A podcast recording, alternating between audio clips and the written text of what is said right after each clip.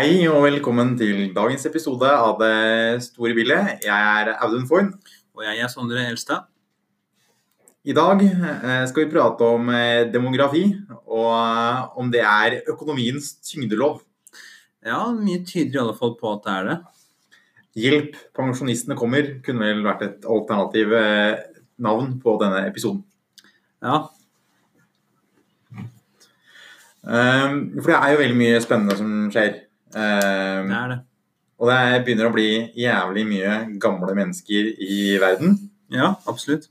Um, og hva skjer når folk blir gamle? Altså, når folk blir gamle Kom på hva man mener, da. Uh, når folk blir gamle i dag, i Norge f.eks., så er det veldig mange som fremdeles er i ganske god helse, som f.eks. kunne jobbe lengre. Mens uh, i en del andre land så ser vi at uh, jo eldre du blir, jo fortere blir du, blir svekket, både fysisk og og kanskje også psykisk. Og eh, det er klart at det bringer med seg store utfordringer, både for samfunnet og for økonomien. Vi er vel heldige i Norge at eh, veldig mange har muligheten til å finne seg en annen jobb som er mer tilpassa når kroppen blir sliten og alderen høy. Mens man sikkert i mange andre land er mer tvunget til å stå i hardt fysisk arbeid mye lengre. Det tror jeg absolutt. Samtidig da, så er det jo også en del eldre mennesker som dessverre blir tvunget til å, å, forlate jobben sin, selv om de gjerne kunne fortsette. Ja, um, for det er jo liksom ikke noe tvil om at når folk går av med pensjon, så, så, er det et eller annet som skjer. Ja, det, det er gjerne en sånn at lediggang er roten til alt ondt. og Jeg tror at vi mennesker trenger noe å, å bry oss om. Ja, jeg tror det er kjempebra at man har noe å bry seg om. Uh, og jeg stiller meg litt sånn spørsmål om dagens pensjonsalder eh, på rundt 67 ja, mellom, mellom 60 og 67 år, de aller, aller fleste steder i verden, er reell, ettersom folk blir mye eldre i dag enn tidligere. Mm. Eh, jeg kan nesten tenke meg at det egentlig har noen negative konsekvenser, fordi folk kanskje begrenser seg bare til å ha én yrkeskarriere istedenfor at man kunne hatt to. Mm. Eh, mange peker jo på det at jo eldre vi blir, jo mer naturlig vil det være å videre- og etterutdanne seg. Ja. Men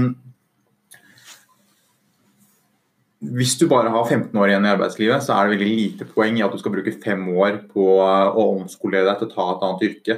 Um, det er klart. Samtidig så er det jo De eldre de er jo de mest erfarne menneskene vi har i samfunnet vårt. og eh, det er klart at eh, vi må stille spørsmålet om de skal videreutdanne seg, og i så fall i hvilken retning. Men det er utvilsomt at de også har veldig mange eh, evner og egenskaper og erfaringer som er veldig viktig for samfunnet å ta vare på.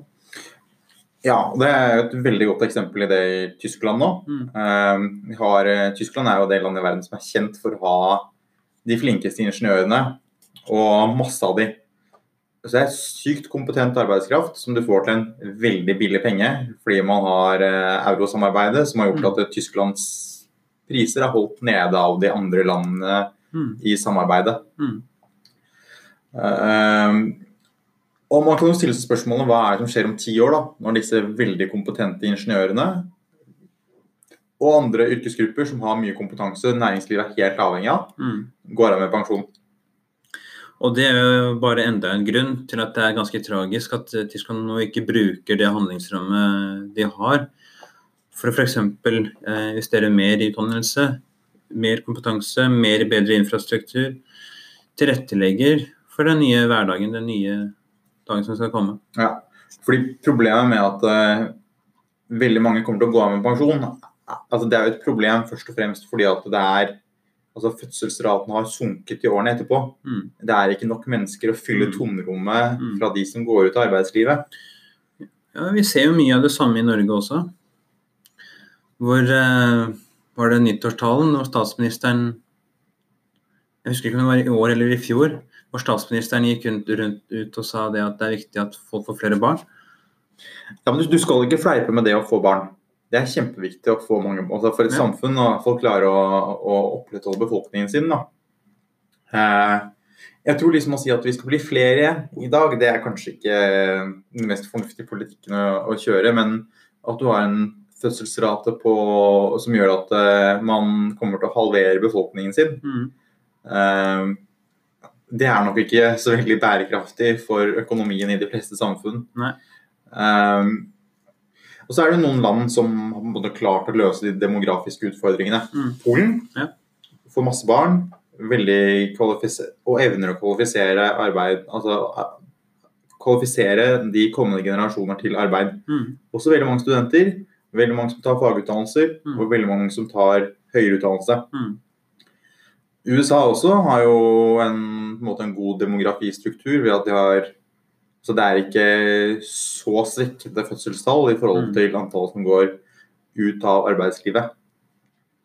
Men, men der har du et kvalifiseringsproblem til arbeidslivet. Um, jeg hørte nettopp at eh, på oljerigger i Alaska så fikk de ikke kvalifiserte sveisere. Så de hadde begynt å fly tilbake eh, pensjonister eh, på to uker på, to uker av skift. Um, til helt skrekkelig høye lønninger. Ja. Altså, jeg, jeg tenker det at Jeg syns at eldre mennesker som har jobbet i veldig mange, mange år, har bidratt til samfunnet hele tiden. Selvfølgelig så fortjener de å nyte pensjonstilværelsen.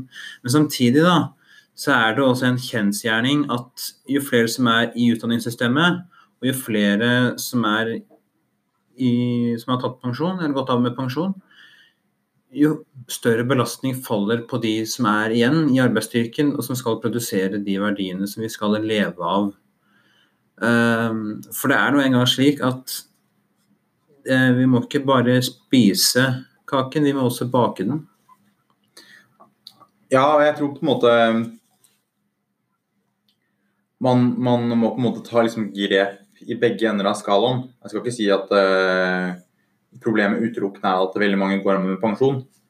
Jeg unner veldig mange som har hatt en lang yrkeskarriere det. Spesielt veldig mange eh, innenfor yrkesfagene som kanskje har jobba i 45 år før de tar ut pensjonen sin. Helsevesenet, f.eks. Ja, helsevesenet. Um, men jeg tror også man må jobbe med å få unge tidligere i arbeid. Mm. Er det noe mening i at man skal ha uh, at man først kommer i jobb når du begynner å nærme deg 30 år? Ja, ikke sant. Uh, man må ha insentiver som gjør det lønnsomt å komme seg tidlig i jobb. Ja. Og jeg mener staten er kanskje en av de verste på å svekke det insentivet, fordi de stiller så vanvittig tåpelige krav i forhold til kompetanse til stillinger de skal fylle. Mm. Altså, du må jo ha en mastergrad, mastergrad som, eh, i sosiologi for å jobbe som Nav-konsulent. Nav- Ja, ja. Ja visst, visst. Problemet er at det tydeligvis ikke hjelper, da. Nei. Eh, Det har jo siste tiders hendelser vist oss, men eh, Men, uh, men uh, til alle de der der ute som, uh, som går yrkesfag, og som skal jobbe med yrkesfag, jeg beundrer dere virkelig. Samfunnet trenger mange flere av dere. Um, selvfølgelig, vi trenger en del mennesker med mastergrader også, men vi kan ikke bare ha folk med mastergrad i heller. Nei, altså jeg tror på en måte det vi mangler i Norge, da, det er folk med de høyeste kompetansene som tar doktorgrader Mm, eh, og driver mer med forskning og utvikling. mm, Og så mangler vi de som tar fagbrev eh, eller bachelorgrader Mm. som gir deg direkte kvalifisering til arbeid. mm, IT-utvikling f.eks. En god bachelorgrad i forhold til det. mm, Eller eh, ja, automatikk, altså et uh, fagbrev i automasjon. Mm. Og så kommer det til å være skrikende etterspørsel ja visst, ja visst. Ja, visst. for i årene som kommer. Mm. Men jeg føler på en måte fra politisk hold så er det ikke noe vilje til å ta tak i det å utvide arbeidsstyrken både i den øvre enden av skalaen Mm. med, fra et pensjonistståsted, og den nedre enden fra et student, uh, ung person, få deg Mm. tidligere i arbeidsståsted. Ja. Altså, Se for deg at du hadde klart å redusere, fått folk i jobb eh, Folk kom i jobb når de var 22, Mm, og så eh, Altså videregående pluss en bachelorgrad, da. Ja. Og så jobbet kanskje pensjonistene til de var 70, da. Ja. Mot eh, hva er, hva er gjennomsnittlig pensjonsalder i Norge i dag? Mm. 62. Og så begynner du kanskje å jobbe når du er 30. Ja. Det er, nesten, det er nesten 20 års forskjell på den yrkeskarrieren. det er det. Det er det. Og faktum er jo at jo, jo lengre utdanning folk skal ta, så tenker jeg at jo lenger bør folk forvente å være i arbeidslivet? Ja, jeg mener det er en direkte altså På mange måter så mener jeg at det er en hån mot de som går yrkesfag Ja. å si at de må jobbe til 67. Ja. Akkurat som noen som øh, kanskje begynte å jobbe når de var øh, eh, 27, da. Ja, ikke sant? Ikke sant?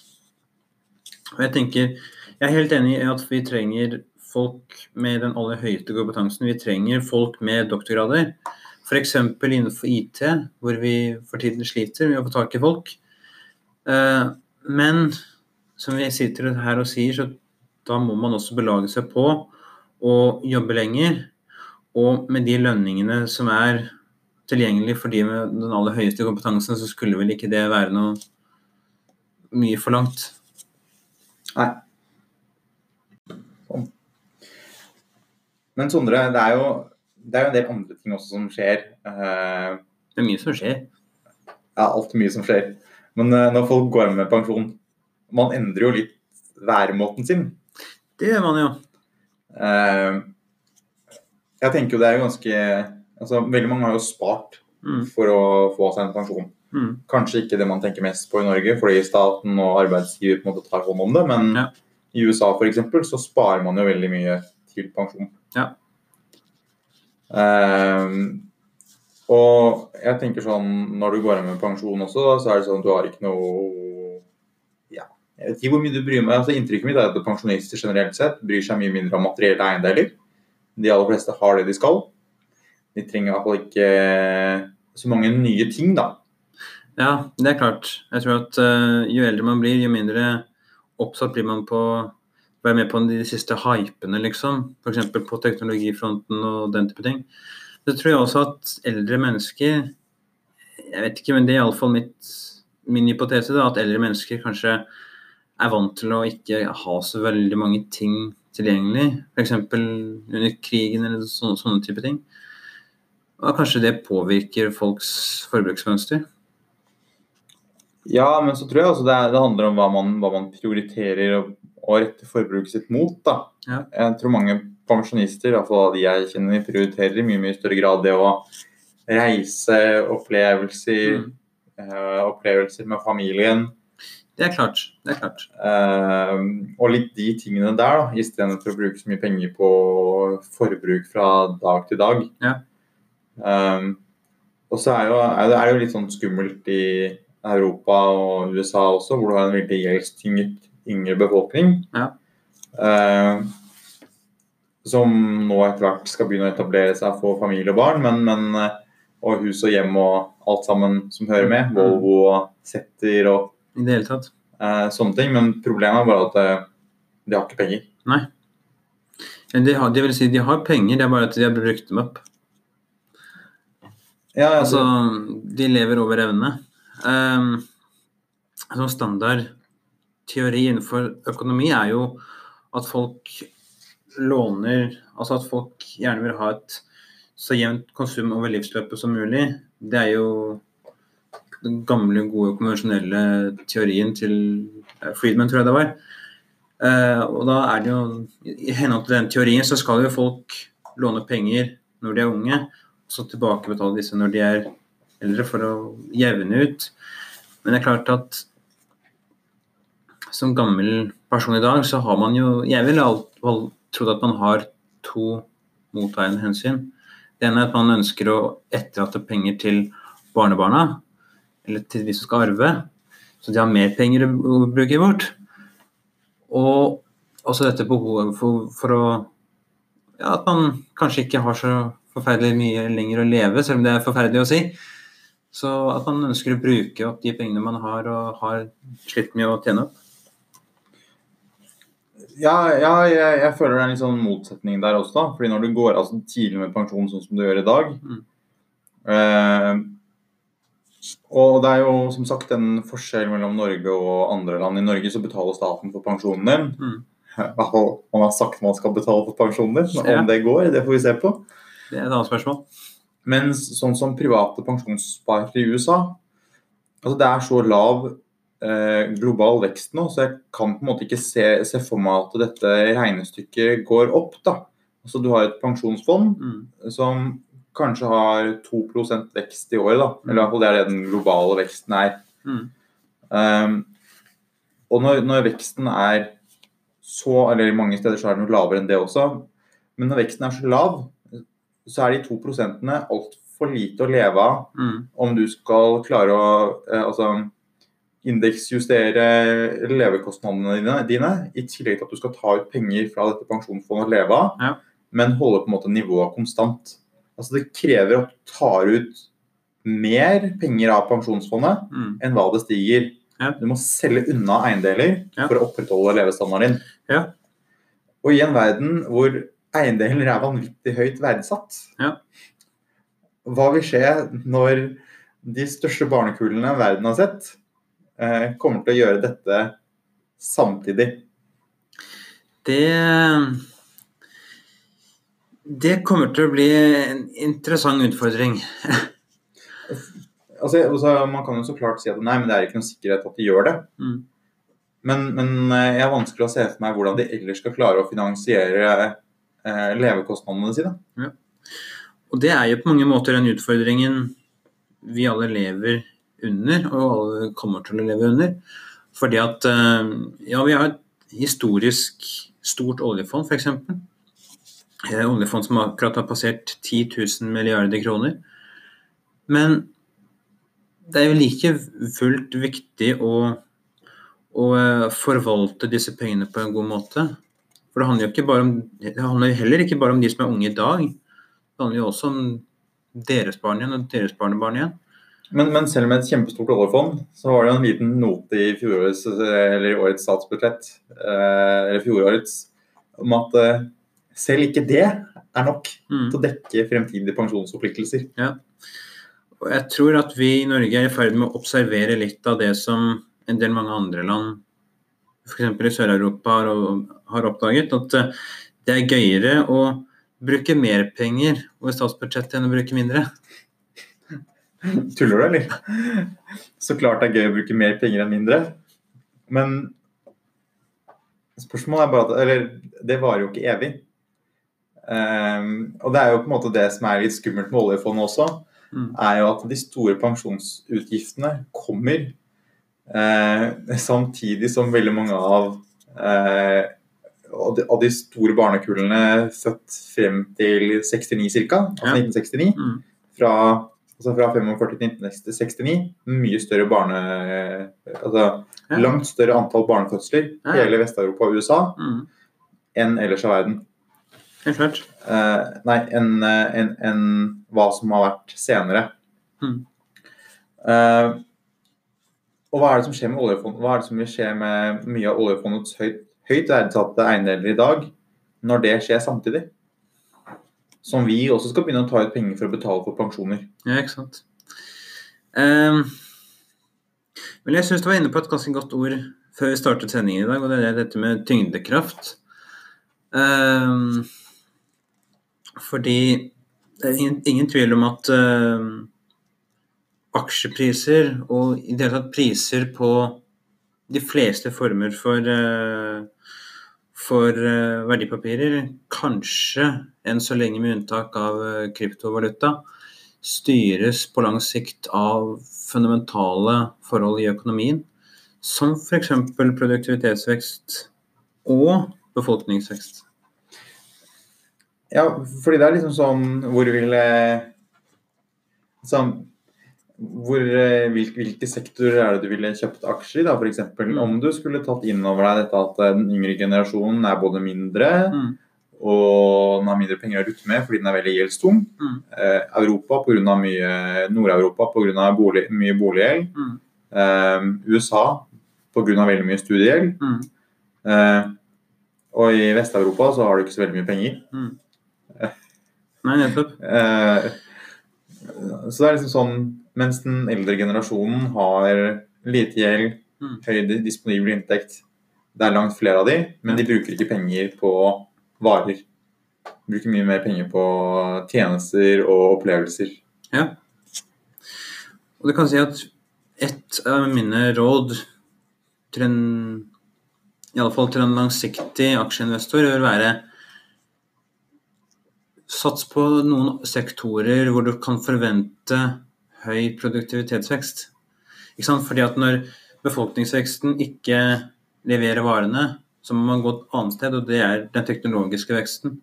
Problemet er at det er mye enklere sagt enn gjort å forutsi hvor vi kan hvor kommer, produktivitetsveksten kommer til å være høy de neste 20-30 årene. Men det er på en måte en trend du ikke kan altså Det er jo alltid vanskelig å spå hvordan fremtiden vil bli. Mm.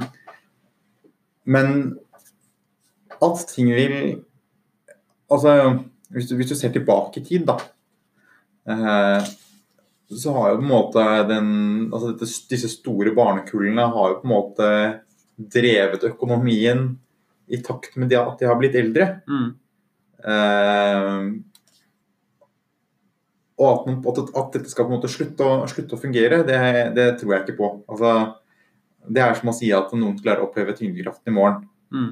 Jeg tror, altså, jeg, jeg, tror på en måte demografi må være økonomiens tyngdekraft. da. Jeg tror at det på langt Jeg tror det definitivt er veldig viktig uh, for å drive økonomien. Det, som, som, du sier, det er jo det vi har sett ikke sant, opp igjennom at befolkningsvekst det er veldig viktig. Men vi skal ikke glemme hvor viktig den industrielle revolusjonen var, f.eks. For um, fordi selv om befolkningen økte jevnt og trutt, så var ikke den økonomiske veksten så veldig høy fram til den industrielle revolusjonen. Så dette med teknologisk vekst er definitivt også veldig viktig. Men det er klart at uh, i en verden hvor det er veldig vanskelig å si hva som kommer til å skje videre med den teknologiske veksten. En del er veldig kritiske til om den veksten vi har observert hittil kan fortsette. Så vil jo befolkningsveksten bli en stadig viktigere og viktigere variabel. Og sånn sett så er vi, for å bruke et godt norsk uttrykk, in deep shit. Ja, altså vi kan jo trøste oss med at eh, vi er de som har, eh, har det kanskje greiest da, i verden. Ja, Eh, det hjelper. Så, så jeg tror ikke vi skal være helt domdagsprofeter i Norge. Men, men det er spennende, veldig spennende å se på hva de har fått til i Sverige. Mm. Som egentlig er et land du skulle altså Vi hører jo veldig mye om svenske tilstander. Mm. Jeg er ikke så veldig redd for svenske tilstander, jeg er mer redd for japanske tilstander. Ja.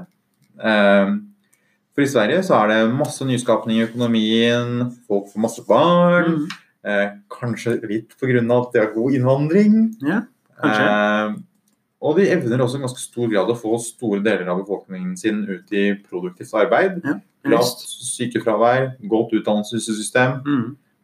Eh, så er ikke, alt er ikke perfekt i Sverige, men, men med tanke på at de ikke har noen som helst form for råvarebasert økonomi, Mm. så må man si at den generelle svenske har en ganske god livsstandard. Det tror jeg absolutt man er nødt til å si. Eh, Sverige har vært veldig heldige, de også. Kanskje ikke vært like heldige som oss nordmenn. Vi har olje, vi har oljefond.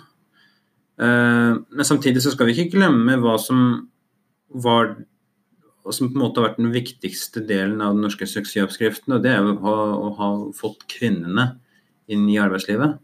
Og der er jo svenskene også ganske like med Norge, iallfall er det mitt inntrykk.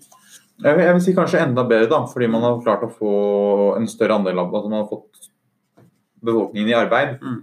Men samtidig som man Jeg syns det virker som de i større grad har evnet å til, altså, tilrettelegge for et godt familieliv. Mm. Eh, I større grad enn hva vi har klart å gjøre i Norge. Da. Ja. Eh, det kan ha mye med at det er blitt veldig dyrt å etablere seg. Mm. Og det er det som hemmer altså En del studier fra Storbritannia viser jo det at når du får veldig høye boligpriser, eh, så slår det direkte ut på fødselsraten. Ja. Eh, de har en mer spredt bosetning i Sverige, eh, som gjør at du kan ha en yrkeskarriere langt flere steder hvor boligprisen er mye lavere. Akkurat i Stockholm er det veldig dyrt, men de fleste trenger på en måte ikke bry seg så veldig mye om det. da. Eh, mens hvis du ser på Oslo-området, altså store Oslo-området hvor de fleste bor i Norge, så er det sjukt dyrt å kjøpe seg bolig nesten uansett hvor du bor. Ja, det Det er det. Og jeg er på en måte vanskelig å tro at det ikke vil slå ut på det at altså på når folk etablerer seg og sånne ting. Mm. Eller ja, det er en drøss med forskningsstudier som viser god sammenheng mellom høye boligpriser Mm. og antall barnefødsler. Ja. Uh, Ja, men jeg tror absolutt at det kan være en veldig viktig sammenheng. Jeg ser definitivt ikke bort ifra det. Um, og et eller annet må vi jo gjøre. Jeg vet ikke helt hva. Men et eller annet må, vi- må vi jo gjøre for å få opp befolkningsveksten i Norge. altså Man kan jo nesten se på hva var det som var på en måte suksessoppskriften i etterkrigsårene. da. Mm. En vanvittig sosial boligpolitikk. Ja. Altså, hvor du praktisk talt fikk en leilighet fordi at du trengte et sted å etablere, et sted å etablere deg. Mm. Hadde du eh, ett barn, fikk dere en treroms. Mm. Hadde du to barn, fikk du en fireroms. Obos-leilighet til folket. Obos-leilighet til folket, prisregulert. Selvfølgelig. Det er Gerhardsen vi prater om. Ja, men var Gerhardsen egentlig så dum? Det er det jeg altså, liksom begynner å sitte og Det er det jeg sitter og lurer på. Da. Altså, jeg, det var jo en sjukt bra befolkningsvekst, da. Altså, jeg har veldig sansen for Gerhardsen, jeg. Men jeg tror at mye av den befolkningsveksten vi så rett etter krigen, handlet også litt om at det var en annen tid, ikke sant. Folk hadde levd fem år i, i under verdenskrig. Hvis vi trekker parallellen enda lenger, så kan vi si at folk tilbrakte nesten 30 eller tilbrakte faktisk 30 år i en veldig ustabil, usikker verden med mye geopolitiske problemer. Og når man liksom begynner å tenke at nei, nå, nå starter festen, det er klart at da setter man i gang med barneproduksjon. Ja, ja, fordi du ser, måte, du, du ser det veldig godt i, i Storbritannia. Så topper fødselstallene seg ut på Mm. ca. en million barn i året Mm. i 1920. Ja. Etter 1920 så fødes det veldig lite barn i Storbritannia Ja. frem til ca. 1950. Ja, ikke sant? Ikke sant? Og det er jo nettopp det også Skal vi ikke glemme det at uh, good old England opplevde en ganske De måtte gå litt inn i seg selv på begynnelsen av 1900-tallet. De måtte finne seg i å gå fra å være et storimperium til å bli det som kanskje Boris Johnson angrer litt på. At de i dag bare er et mer eller mindre et vanlig land. Ja, altså, jeg satt og tenkte på en, på en regel, da. Om, jeg vet ikke om denne stemmer. Men hvis du tar pensjonsalderen i et land, så trekker den fra året da man hadde topp Eller og du legger den på topp eh, Altså det året man hadde topp antall barnefødsler, Mm. hva skjer i det året? Så Vi snakker liksom store demografiske omveltninger og sånne ting. Ja. Og hvis du ser på England på midten av altså, Jeg vil vel klare å påstå at eh, liksom det engelske imperiet virkelig, har fått sånn rent industrielt, eh, virkelig knakk sammen på begynnelsen av 1990-tallet. Mm. Eh, og veksten sluttet, altså veksten sluttet, stoppet opp. Eh, man fikk høyere arbeidsledighet, Mm. og en del ting liksom stoppet for landet. da. Ja. Så det var liksom sånn fra at man gikk til å være et storimperie, til at man var liksom Ja, man var, hadde fortsatt respekt i verden, til Ja. at eh, man gikk videre med knokket rygg. Ja. Litt der, vi, litt der vi er i dag, egentlig. Ja, altså stoltheten får seg en knekk, da. Ja. Og, og det er jo på en måte Ja, det er jo Det er jo helt sykt at alder og barnefødsler har så store innvirkninger på økonomien. Ja, men den har det. Den har det. For det er et av de aller viktigste fundamentale forholdene i en- i enhver økonomi. Men det er jo alderdom har jo noen eh, globale konsekvenser også. Ja, Eh, Absolutt. og det er vel kanskje ingen som har et tydeligere skille på store barnekull og langt færre barn født enn det Kina har etter de innførte ettbarnspolitikken Mm. i rundt Rundt 79, rundt der. Ja. 79-80. Og ettbarnspolitikken har jo vist seg å være katastrofal, egentlig. Fordi mens det er et i og for seg artig forsøk på å begrense befolkningsveksten, så er det jo ikke bare spørsmål om befolkningsvekst, det er også snakk om befolkningssammensetning. Fordi hvis du bare skal få ett barn, så er det jo gjerne sånn i tradisjonelle kinesiske samfunn at da velger du å prioritere det å få guttebarn. Og hva skjer når du får for, for mange gutter i forhold til antall jenter? Ja, altså, det, altså I realiteten så har jo ikke Kina bare en ettbarnspolitikk. De er jo sånn 0, altså, sånn Sett det øyemed, da, Mm. så vil jo ikke da i løpet av en generasjon bare halvere befolkningen din, siden to og to bare får ett barn. Mm. Men du vil over halvere befolkningen din fordi de eh, Altså det er rett og slett for mange gutter i forhold til jentene. Mm. Og det man, man ser nå i Kina, er jo at eh, fødselsraten per jente ligger vel på sånn 1,2 ca. Ja. Men det er så mange flere menn at Ja. det regnestykket går ikke opp. da. Nei, ikke sant. Så det er jo En må jo en må forsøke å kontrollere befolkningsveksten sin, men man må ikke prøve å gjøre dumme ting. Nei, nei, og så hørte jeg også at eh, det er jo nesten provinsforskjeller Mm. på hvor menn og kvinner lever i Kina. Fordi det er veldig, veldig avhengig av hvordan jobber som er tilgjengelig. Ja visst. Eh, de, de har en del, eh, faktisk en del kvinnelige innvandrere til Kina. Mm. eh, som besetter en del jobber i tekstilindustri og sånne ting fra Mm. Nepal, eh, Nord-Korea og diverse andre land i Asia som på en måte har gitt mulighet til innvandrere. Da. Men det er så store kulturforskjeller, og, og det er på en måte ikke altså, du, du får ikke noe match. da. Nei. Altså, Forskjellene er for store til at eh, eh, de finner sammen. Det er nettopp noe med det. Det er nettopp noe med det. Og det er klart at dette er et spørsmål som også kompliseres ytterligere av andre samfunnsverdier i samfunnet. Ikke sant? Vi snakker om et eh, relativt tradisjonelt samfunn uh, med til dels ganske store økonomiske og sosiale forskjeller. Så nei, det er klart at det er vanskelig.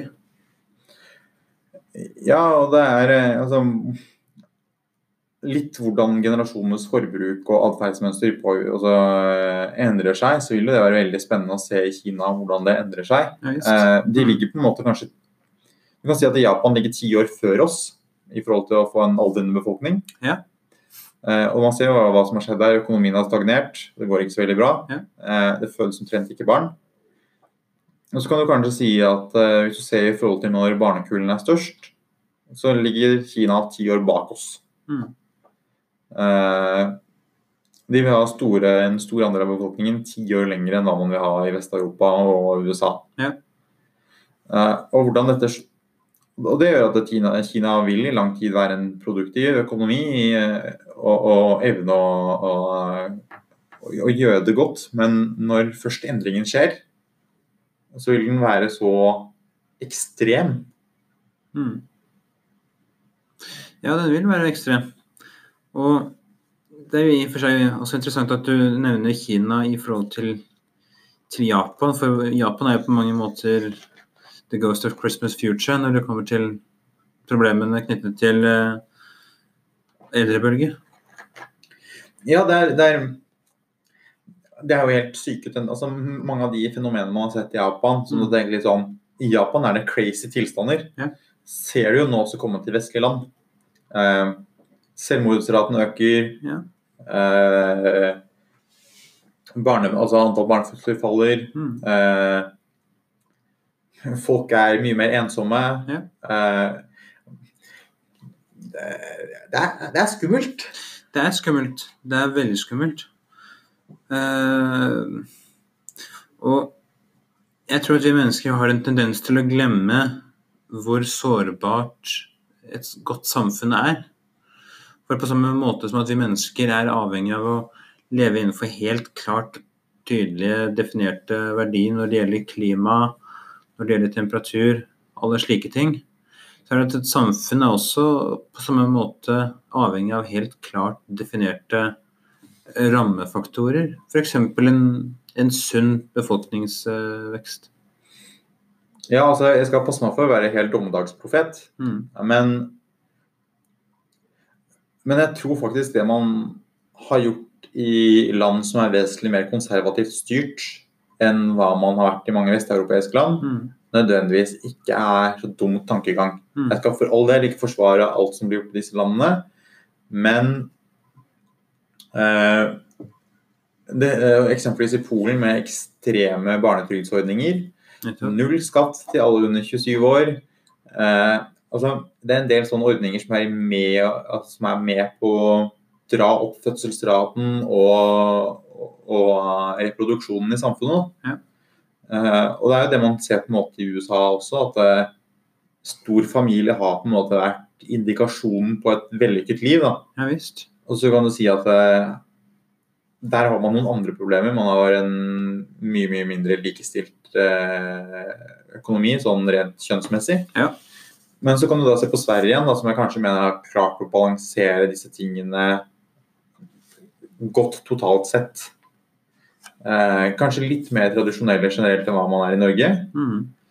Men fortsatt klart å opprettholde en høy, høy fødselsrate og, og, og fått både menn og kvinner ut i arbeid. Da. Ja, definitivt. Definitivt. Og altså, vi skal være Hva skal jeg si? Vi kan være rivende uenig i, mange av det, i mye av det Polen står for rent politisk. Men vi må ikke glemme at de fleste land har en eller annen eh, ting de kan lære andre, ikke sant? En eller annen ting som de gjør skikkelig bra. Vi må passe på, på slik at vi ikke eh, Er overmoraliserende på alt de gjør. Nettopp. Og at vi på en måte tenker at nei, disse gjør det, dette og dette og dette, dette feil, slik at de har ingenting å komme med. Det må vi passe oss for. Ja, altså, jeg syns på en måte Polen er litt interessant. Eh, og jeg tror nok det at de velger veldig konservative eh, ledere, handler om at de har eh, kommunistfrykt. Mm. Altså, de er heller litt altså, de, har- de har sett og følt effekten av kommunismen på kroppen. Ja visst. Eh, det er det ingen i Vest-Europa som har gjort. Nei. Og Selv om kanskje mange har øh, uttrykt et, et, en reell bekymring for det. Det er en annen ting. Og, og når du ser på på en måte eh, Russlands herjinger med andre østeuropeiske land Mm. eh, som ikke har like sterke og klare styringssett, Mm. Hvor det er mye rot og korrupsjon og politikere som gjør mye rart, Ja. så forstår jeg på en måte også at man kan trekkes mot et styresett som fungerer, og som reelt sett gjør at befolkningen føler at de får det bedre. Ja visst. Ja visst. Og det er ganske på det, altså, Du kan si hva du vil, men i den perioden eh, Lov og ordenspartiet i Polen har styrt, Mm. så har den generelle polakk økt sin kjøpekraft. Absolutt. Og det er Du skal komme med store valgløfter for å utjevne det med annen politikk. Ja. Altså Det er klart at øh, det er et konservativt øh, land, og det er jo ikke noen, noen eksempel til etterfølgelse når det gjelder øh, et liberalt demokrati. Men la oss ære det som er å spørre også. Ja, altså, jeg tror nok det er mye av altså at man trenger en aktiv familiepolitikk. da. Mm. eh, har man jo på en måte bare skjøvet under en stol i Norge de siste årene. Man har Ja. full barnehage, barnehagedekning osv., men man kan vel ærlig være ærlig på at man antageligvis trenger litt større insentiver for at, det skal, at man skal opprettholde en god fødselsrate enn bare gratis barnehage. Men vi skal ikke glemme at, eh, at eh, når vi ser på land som i, land i Afrika f.eks., så er det jo mange av de får jo mange, veldig mange barn rett og slett fordi man forventer at en del av dem ikke vokser opp, og at man har et behov for at barna forsørger foreldrene den dagen da foreldrene ikke selv klarer å arbeide. Slik hadde vi jo Vi hadde det i Norge slik tidligere, hvis vi går tilbake til 1800-tallet f.eks. Men fremveksten av en stat med veldig gode, absolutt, men også veldig omfattende velferdsordninger, f.eks. et veldig omfattende pensjonssystem, har jo på mange måter også redusert behovet for storfamilien i, i Norge. Og Men i, i Italia så har storfamilien kommet tilbake. ja, Fordi Det eh, velferdssystemet har klappa sammen. Så kanskje det, kanskje det er det vi har behov for i Norge? Nei, jeg vet ikke. Eh, Forhåpentlig, forhåpentligvis ikke. Eh, Nei. Men, men det er bare interessant da, å se at mm. når økonomien forlapser helt, Mm. og så får du med en gang eh, Så er du nesten litt sånn tilbake på u-landstendenser i forhold til eh, storfamilien og sånne ting. Og det er jo et det er jo et resultat av at eh, unge mennesker eh, ikke har eh, råd til å finne seg et eget sted å bo de, altså før de har funnet seg en jobb. Mm. Eh, og mens når du ikke har en jobb lenger, så må du flytte til familien fordi det er den eneste måten du klarer å opprettholde livet ditt på. Ja visst. Ja, visst. Mange steder i Øst-Europa så er det jo også sånn. Mm. Altså Den gjennomsnittlige pensjonen i Øst-Europa ligger vel på rundt 250 euro i måneden. Ja. Det er ikke akkurat veldig mye å livnære seg på det. Nei, det er ikke det. Det er ikke det. Og vi kan si at uh, en annen dimensjon ved dette i forhold til stat og i forhold til pensjonssystemer, i forhold til velferdsgoder, det er jo at man har jo forskjellige typer pensjonssystemer også. Ikke sant? Baserer man et, har man et Pagel-system f.eks., hvor man tar penger fra dagens unge og gir til dagens eldre, så vil vi jo da, de, da vil jo vi, den dagen vi blir eldre, være helt avhengig av å ha en ganske høy befolkningsrate. En ganske høy befolkningsvekst. Ellers så vil jo vi tape den konkurransen der. Ellers så må bare staten ta opp mye gjeld for å finansiere det. Ja. det, er det og det er jo det resultatet som man forsøkte seg lang tid på Mm. i Italia, Hellas, Spania. Eh, Men som man trygt kan si at det har klappa, sammen i 2008. Mm.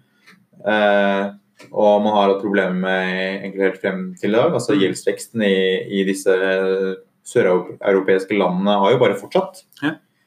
Og grunnen til at det fortsatt går rundt, er jo fordi at eh, rimelige tyske ingeniører eh, finansierer eh, mye av det. Altså Tyskland er eh, Altså, du, du har god fortjeneste på de tjenestene som produseres, Mm. som gjør at du kan finansiere andre ting. Tyskland er et veldig interessant land det er på mange måter. Eh, også når det gjelder eh, pensjonssystem og, og befolkningsvekst. Ja, for I Tyskland så har man jo en annen modell som er mye mye, mye mer behovsbasert. Mm. Har du høy formue, sorry, du får Mm. ikke pensjon. Mm. Men spørsmålet der igjen, altså vi var jo litt inne på Tyskland i stad. Mm. altså Det er jo ikke så lenge til, heller de også. Vi har problemer med at en langt mindre andel av befolkningen sin står i arbeid. Mm. Og det er ganske mye som tyder på da at de egentlig ikke har penger til å finansiere andre land i Europas, Europasamarbeidets forbruk. Eh, og da kan man jo stille seg spørsmålet hva vil skje med søreuropeiske økonomier? Altså Er man kynisk, så kan man jo si at da må de klare seg selv. Men, eh, men eh, man vet jo det at man står sterkere sammen. Eh, Så det gjelder jo å bevare det europeiske samarbeidet så godt det lar seg gjøre. Men det er ikke til å stikke under stol at det kan komme til å bli utfordrende.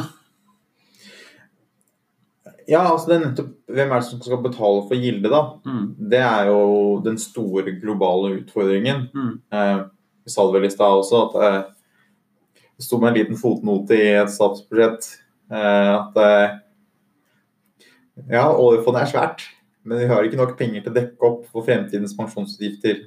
Nei, nettopp. Eh, og det gjør det så tydelig, dette med at hvor stor grad demografi er på en måte økonomiens tyngdekraft. Ja. Eh, for du klarer på en måte ikke Altså det skal så mye til for å oppheve tyngdekraften, da. Mm, Eh, så Det var litt sånn som du var inne på i stad, med teknologisk utvikling og, og sånne ting. At det er en del lovende ting der. Men problemet er jo bare at mange av de tjenestene som den eldre generasjonen etterspør, er i stor grad labor intense, altså er arbeidsintensive. ja visst. Ja visst. Uh, det er, det er et veldig viktig poeng å ha, å ha med seg i debatten. Uh, etterspørsel etter Eller hva slags type varer og tjenester er det vi etterspør? Uh, Altså pleiehjemstjenester, Mm. eh, drifting av type hjelp i hjemmet og andre, andre altså den formen for tjenester, da, Mm. er det også veldig vanskelig å digitalisere. Ja. Eh, og så, ikke sant, de kommer til å Det er greit nok at de kommer til å kjøre mindre bil og eh, altså Noen år fremover så kjører de antakeligvis enda mer bil, da, men, men, og så snur det, og så kjører de mindre bil igjen. Eh, men spørsmålet er bare Kan teknologien også løse disse utfordringene? Eller driver man i dag med en teknologisk utvikling som egentlig ikke er så relevant for fremtidens utfordringer? Det er spørsmålet. Spørsmålet er f.eks. hvor eh, stor nytte man har av selvkjørende biler når man, når man har en veldig ald- eh, gammel befolkning. Så nei, det er også et, er et stort spørsmål. Og velferdsteknologi er jo kanskje et område som bør prioriteres ytterligere. Ja, altså tilbake til liksom Hvor vil jeg som langsiktig, langsiktig investor satse pengene mine? Og så er det jo på helse, eh, ting som gjør at du har et lengre liv med høyere kvalitet. Mm. Velferdsteknologi som gjør at eh, eldre har, et, har en høyere livskvalitet lenger. Ja, ikke sant? Mm. Eh, og innenfor, innenfor de sektorene, da. Altså Jeg tror liksom å putte pengene sine i enda en sånn eh, kitchenbutikkjede eller eh, noen som selger barnevogner. Det, jeg tror ikke du blir rik av det i dag, akkurat. Det er hyggelig med barnevogner, da. Ja, Kanskje det er det vi har behov for? Flere barnevogner? Flere barnevogner, flere barn? Ja, ja, det hadde vært, det hadde vært bra, men eh, jeg tror liksom hva er det som kommer først her? Altså, jeg tror Mm. kidsa kommer før, eh, før barnevogna. Ja, korrelasjon er ikke det samme som kausalitet. Nei, nettopp. Men eh, i mellomtiden så kunne man kanskje vurdere å diskutere nøyere om vi bør eh, justere eh, handlingsregelen. F.eks. ved å trekke fra befolkning, forventet befolkningsvekst. Ja, altså det er jo det er en interessant justeringsfaktor man kunne lagt inn i oljefondet. Og, og, pengebruken av statsbudsjettet. I den grad man mener at man skal være solidarisk mot fremtidige generasjoner, så vil jo det være veldig solidarisk. Ja, det er jo litt det samme som vi var inne på sist Nei, altså litt det samme som om at man også har prøvd å eh, aldersjustere pensjoner. Mm. Men bare delvis har fått det til, Mm. og bare i privat altså i form av at det bare har skjedd i privat sektor. Mm. Jeg tror nok det hadde vært veldig lurt med denne formen for justeringsmekanismer. Mm. Men det ville jo ikke blitt så veldig mye pensjon til de som lever i dag. Da. Så det spørs om, Nei, det vil det ikke bli. det spørs om det lar seg gjøre. Mm. På den annen side så vil vi kanskje erkjenne i enda større grad at 10 000 milliarder kroner, selv om det høres veldig mye ut, ikke nødvendigvis er så veldig mye i den store sammenhengen. Jeg føler dette er veldig dystert, men eh, Ja, ja jeg, men det er man ser mulighetene, vet du, Sondre. Hvor skal du investere er når alle pensjonistene kommer? det er sant. Eh, jeg tror nok på en måte det, det, det vil antagelig kanskje snu, men, men det er en viktig problemstilling å prate om. Mm. Eh, jeg føler det er litt sånn som eh, Følelsen min på økonomien er liksom i dag, det er litt sånn 1920s, eh, Mm. The Great Gatsby eller Babylon Berlin, hvis noen har sett på de seriene. Mm. Men på en måte med et litt sånn innslag av The Walking Dead eller Game of Thrones. Mm. Hvor eh, man på en måte har denne Hvor man i begge serier har liksom denne kjempestore folkegruppen som bare, det blir bare flere av. Men som man ikke helt liksom vet hvordan man skal løse problemet med. Da, ikke sant? Mm. Game of Thrones med White Walkers og Du kan si at veien er kort fra Kapitol til den tapetske klippet, men eh, jeg tror at eh, jeg tror at det er finnes her òg. Jeg tror at vi mennesker Jeg tror vi fremdeles har sitter inne med mye kompetanse, mye for mange fornuftige ideer, og jeg tror at vi kommer til å klare å komme oss ut av de problemene, de utfordringene vi står overfor. Men vi, eh, som Arnold Føverland sa, vi må ikke sove. Nei. eh, Og jeg tror i hvert fall de som har på seks timers arbeidsdag, kommende generasjoner, de tror jeg bare kan glemme det. Ja. Eh, Jeg tror det at man klarer å, opprettholde arbeidsstyrken i den formen den er. Mm.